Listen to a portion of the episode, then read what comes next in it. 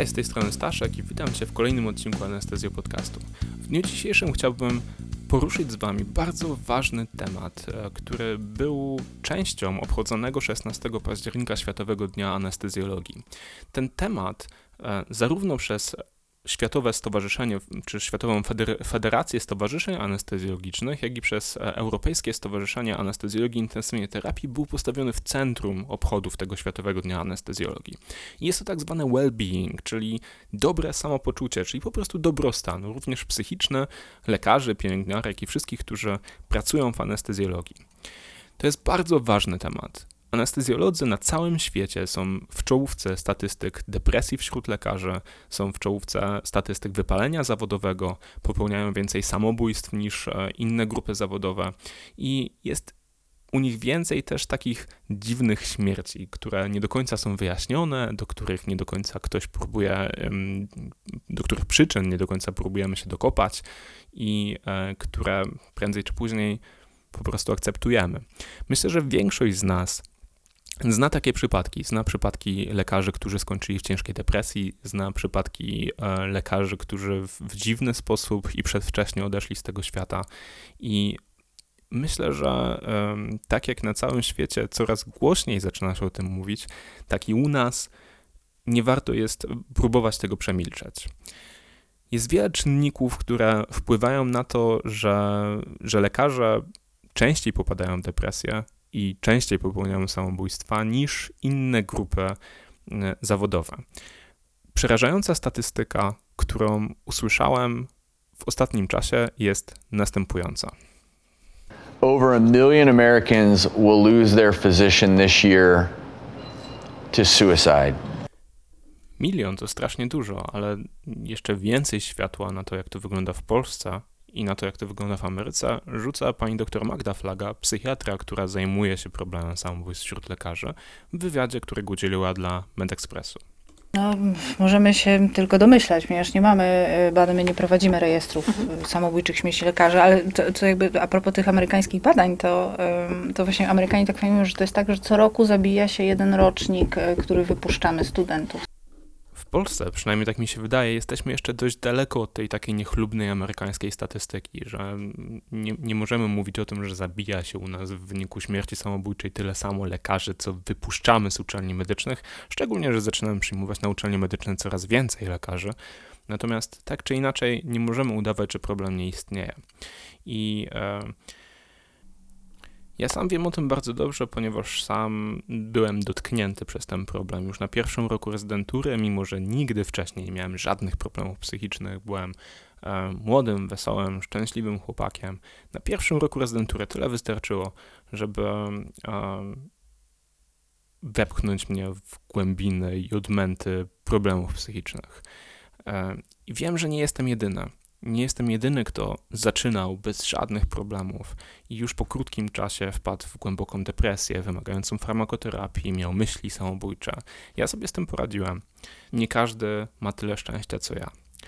I myślę, że jedną z rzeczy, która, e, która uratowała mnie, było to, że byli wokół mnie ludzie, którzy zwrócili na to uwagę wśród tych wszystkich czynników, które e, sprawiają, że, zaczynamy mieć problemy. Możemy mówić o jakimś stresie, o stresie organizacyjnym, o stresie związanym z odpowiedzialnością, o długich godzinach pracy, nieregularnym stylu życia, jakichś problemach rodzinnych, które też przez ten nieregularny tryb życia mogą się pojawiać. Wydaje mi się, że, e, że bardzo ważne jest to, żebyśmy mm, mieli w sobie też taką wrażliwość na to, co dzieje się z naszymi współpracownikami żebyśmy zwracali uwagę na to, na takie sygnały alarmowe, które mogą się e, u nich pojawić. W Ameryce pojawia się coraz więcej programów, które są związane z, ze zdrowiem psychicznym lekarzy i z uzależnieniami u, u, u lekarzy, bo to jest jakby no, trochę osobny, ale jednak związany problem. Tutaj też w statystykach uzależnień w Ameryce e, lekarze mm, anestezjolodzy przewodzą. Okazuje się, że, e, że amerykańskie stowarzyszenie anestezjologiczne ASA ma w ogóle osobne programy odnośnie uzależnień u lekarzy, e, ma pro, programy wychwytywania tych uzależnień relatywnie szybko i oceniają oni, że że u większości osób, które mają potencjał w ogóle do rozwoju uzależnienia, do tego rozwoju dojdzie już na etapie rezydentury, raczej w pierwszych jej latach niż później. Natomiast jeśli u kogoś już się pojawiło uzależnienie, czy jeśli u kogoś się już pojawił epizod depresyjny albo myśli samobójcze w czasie rezydentury, to ryzyko, że dojdzie do nawrotu tego w późniejszych latach kariery zawodowej wynosi aż 20%. Jakby ten cały obrazek um, sprawia, że, że przynajmniej moim zdaniem powinniśmy na siebie bardzo uważać i powinniśmy uważać zarówno na siebie samych i wychwytywać u siebie wcześniej jakieś objawy problemów psychicznych, odpowiednio adresować, ale też powinniśmy patrzeć na innych ludzi, z którymi pracujemy. I to wydaje mi się, że jest strasznie ważne, żebyśmy byli wrażliwi na to, co się dzieje z e, drugim człowiekiem, który jest obok nas. Jeśli widzisz jakiekolwiek objawy depresji u swoich współpracowników, i one mogą być bardzo różne.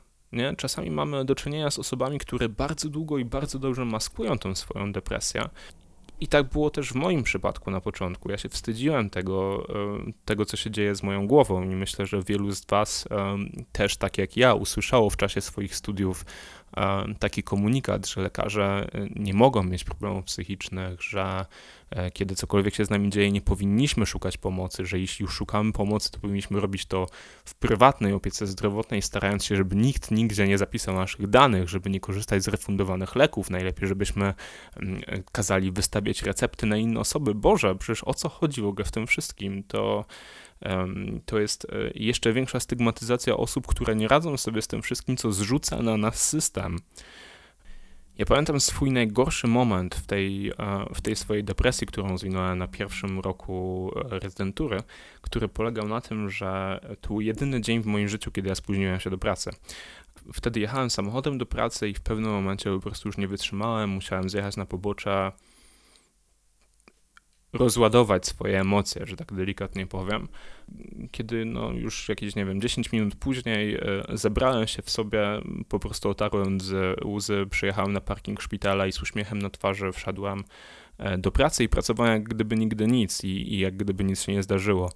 Myślę, że wielu z nas na pewnym etapie e, robi podobnie, ale jeśli widzicie wśród swoich pracowników, współpracowników jakiekolwiek objawy tego, że, że z nimi coś może być nie tak, nie wiem, przyszli do pracy nieumyci, um, mają gorzej ułożone włosy niż mieli wcześniej, um, wyglądają jakoś smutno. Zapytajcie, zaproponujcie swoją pomoc, niech oni wiedzą, że jest tam ktoś, kto się o nich troszczy i że jest ktoś, do kogo mogą się zwrócić, kiedy, kiedy potrzebują pomocy. Bo taka atmosfera wzajemnego wsparcia i, i otwartości na problemy innych ludzi i, i sama świadomość, że inni ludzie też mają problemy, ona w tym wszystkim pomaga. Najgorsze jest takie uczucie, że w tym wszystkim jest się po prostu samemu, że wszyscy dookoła nie mają problemów z tym, żeby nauczyć tego ogromu materiału, który jest od nas wymagany, żeby radzić sobie z tą odpowiedzialnością, że wszyscy z wielką radością biorą po 12 dyżurów w miesiącu. Tylko my mamy ten problem i taka atmosfera tego, że ten problem jest szerszy, że jesteśmy w nim z kimś. Ona już pomaga w tym, żeby, żeby sobie z tym zacząć radzić. I jeśli ty masz problem, jeśli tobie coś dolega, jeśli nie radzisz sobie z tym wszystkim, co ciebie na rezydenturze czy po rezydenturze spotyka, to szukaj pomocy. Jeśli chcesz o tym pogadać, zgłoś się nawet do mnie. Ja też chętnie z tobą o tym pogadam. Ja jestem na szczęście już po tym, e, ale być może też przed tym mam 20% szans, jak mówią statystyki amerykańskiego Stowarzyszenia Anestezjologii ale możesz też szukać profesjonalnej pomocy, która pomoże ci w tej trudnej sytuacji. Jeśli widzisz kogoś wśród swoich współpracowników, o których się martwisz, pogadaj z nimi. Może to ty właśnie zachęcisz do tego, do tego żeby skorzystali z pomocy, której tak bardzo potrzebują. I jeszcze jedną sprawą, na którą zwraca uwagę z kolei e, brytyjskie, nie pamiętam jak się nazywają, chyba nazywają się Association of Anesthesiologists, ale nie jestem do końca pewien, w każdym razie Oni z kolei skupili się na tym, e, jak, jaką mamy jakość snu w kontekście pracy zmianowej i pracy dyżurowej. I skupili się na tym po tym, jak e, doszło do serii wypadków drogowych u lekarzy, którzy wracali z dyżurów. Taki sam problem miał też miejsce w 2018 roku w Niemczech, gdzie chyba w jednym miesiącu były cztery wypadki z, z um, udziałem anestezjologów i pielęgniarzy, pielęgniarzy anestezjologicznych wtedy, którzy wracali z, z całodobowych dyżurów do domu.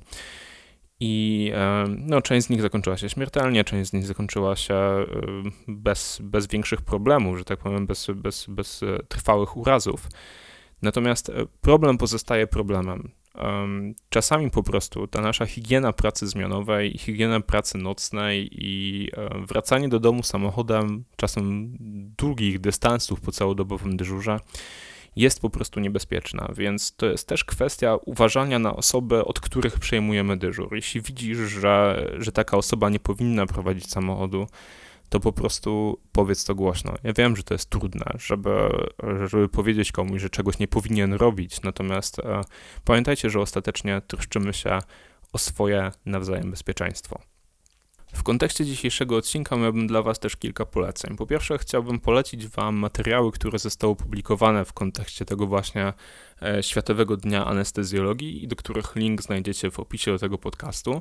Chciałbym polecić Wam też um, odcinki podcastu amerykańskiego o nazwie ACRAC, czyli Anesthesia and Critical Care Reviews and Commentaries, uh, który prowadzony jest przez doktora Jeda Walpole i w, których to odcinku, w którym to odcinku e, rozmawiają Rozmawia on właśnie ze specjalistą do spraw zdrowia psychicznego lekarzy, który mówi o tym, o uzależnieniach, konkretnie uzależnieniach wśród lekarzy anestezjologów, wśród rezydentów i który to odcinek jest bardzo ciekawy, bo mówi też w dużym takim poziomie dokładności, na co powinniśmy zwracać uwagę i w jaki sposób instytucjonalnie, nie tylko na poziomie pojedynczego kolegi rezydenta do kolegi rezydenta, ale instytucjonalnie możemy zapobiegać i zwiększać i zwiększać, e, powiedzmy, e, szanse na to, że wyłapiemy na wczesnym poziomie kogoś, kto, kto ulega uzależnieniu i, e, i pomożemy mu w, w jego problemie zdrowotnym. I trzecia rzecz, którą bardzo chciałbym Wam polecić, to jest, e, to jest film, który mnie osobiście po prostu wgniótł w fotel i który, no zwłaszcza w kontekście tej mojej historii, e, ja po prostu oglądałem z zapartym tchem. I to jest, to jest film dokumentalny, który nazywa się Do No Harm e, i został wydany w zeszłym roku. Film dokumentalny jest nakręcony na podstawie działalności pewnej amerykańskiej pani doktor, lekarki rodzinnej, która właśnie po pewnej serii, tragicznej serii, zajęła się problemem samobójstw wśród amerykańskich lekarzy. Jest to absolutnie wstrząsający dokument. Niestety trzeba zapłacić za dostęp do niego. Zdaje się, że 19 dolarów, czy jakoś tak kosztowało on ostatnio, czasami są promocje. W każdym razie e, naprawdę bardzo warto go obejrzeć. On otwiera on po prostu otwiera oczy na pewne problemy, które, które tak często na co dzień są w naszym zamkniętym świecie przemilczane. Linki do wszystkich tych materiałów, o których mówię, znajdziecie w opisie do tego podcastu. Co tutaj dużo mówić? Ten odcinek jest dla mnie po prostu mm, w jakimś sensie trudny, ale myślę, że też jest ważny. I pamiętajcie, gdziekolwiek jesteście, jeśli macie jakiekolwiek problemy psychiczne z tym, co dzieje się wokół was, to nie jest nienormalne to nie jest oznaka waszej słabości. To po prostu jest kwestia adaptacji do, do trudnych warunków i do okrutnego systemu, w którym wszyscy pracujemy. Więc jeśli macie problemy, nie bójcie się poprosić kogoś o wyciągnięcie do was ręki i rozmawiajcie o tym i szukajcie pomocy, bo zdrowie psychiczne mamy tylko jedno i jest ono ważniejsze od wszystkiego, co możemy jako lekarze osiągnąć. Trzymajcie się tam, róbcie dobrą robotę i w tym ciężkim roku, które do tych wszystkich psychicznych stresów dokłada nam jeszcze dodatkowa no przynajmniej 100% w związku z panującą i rozprzestrzeniającą się pandemią koronawirusa. Bądźcie zdrowi. Bądźcie zdrowi nie tylko fizycznie, ale też i, i może przede wszystkim w swoich głowach. Do usłyszenia.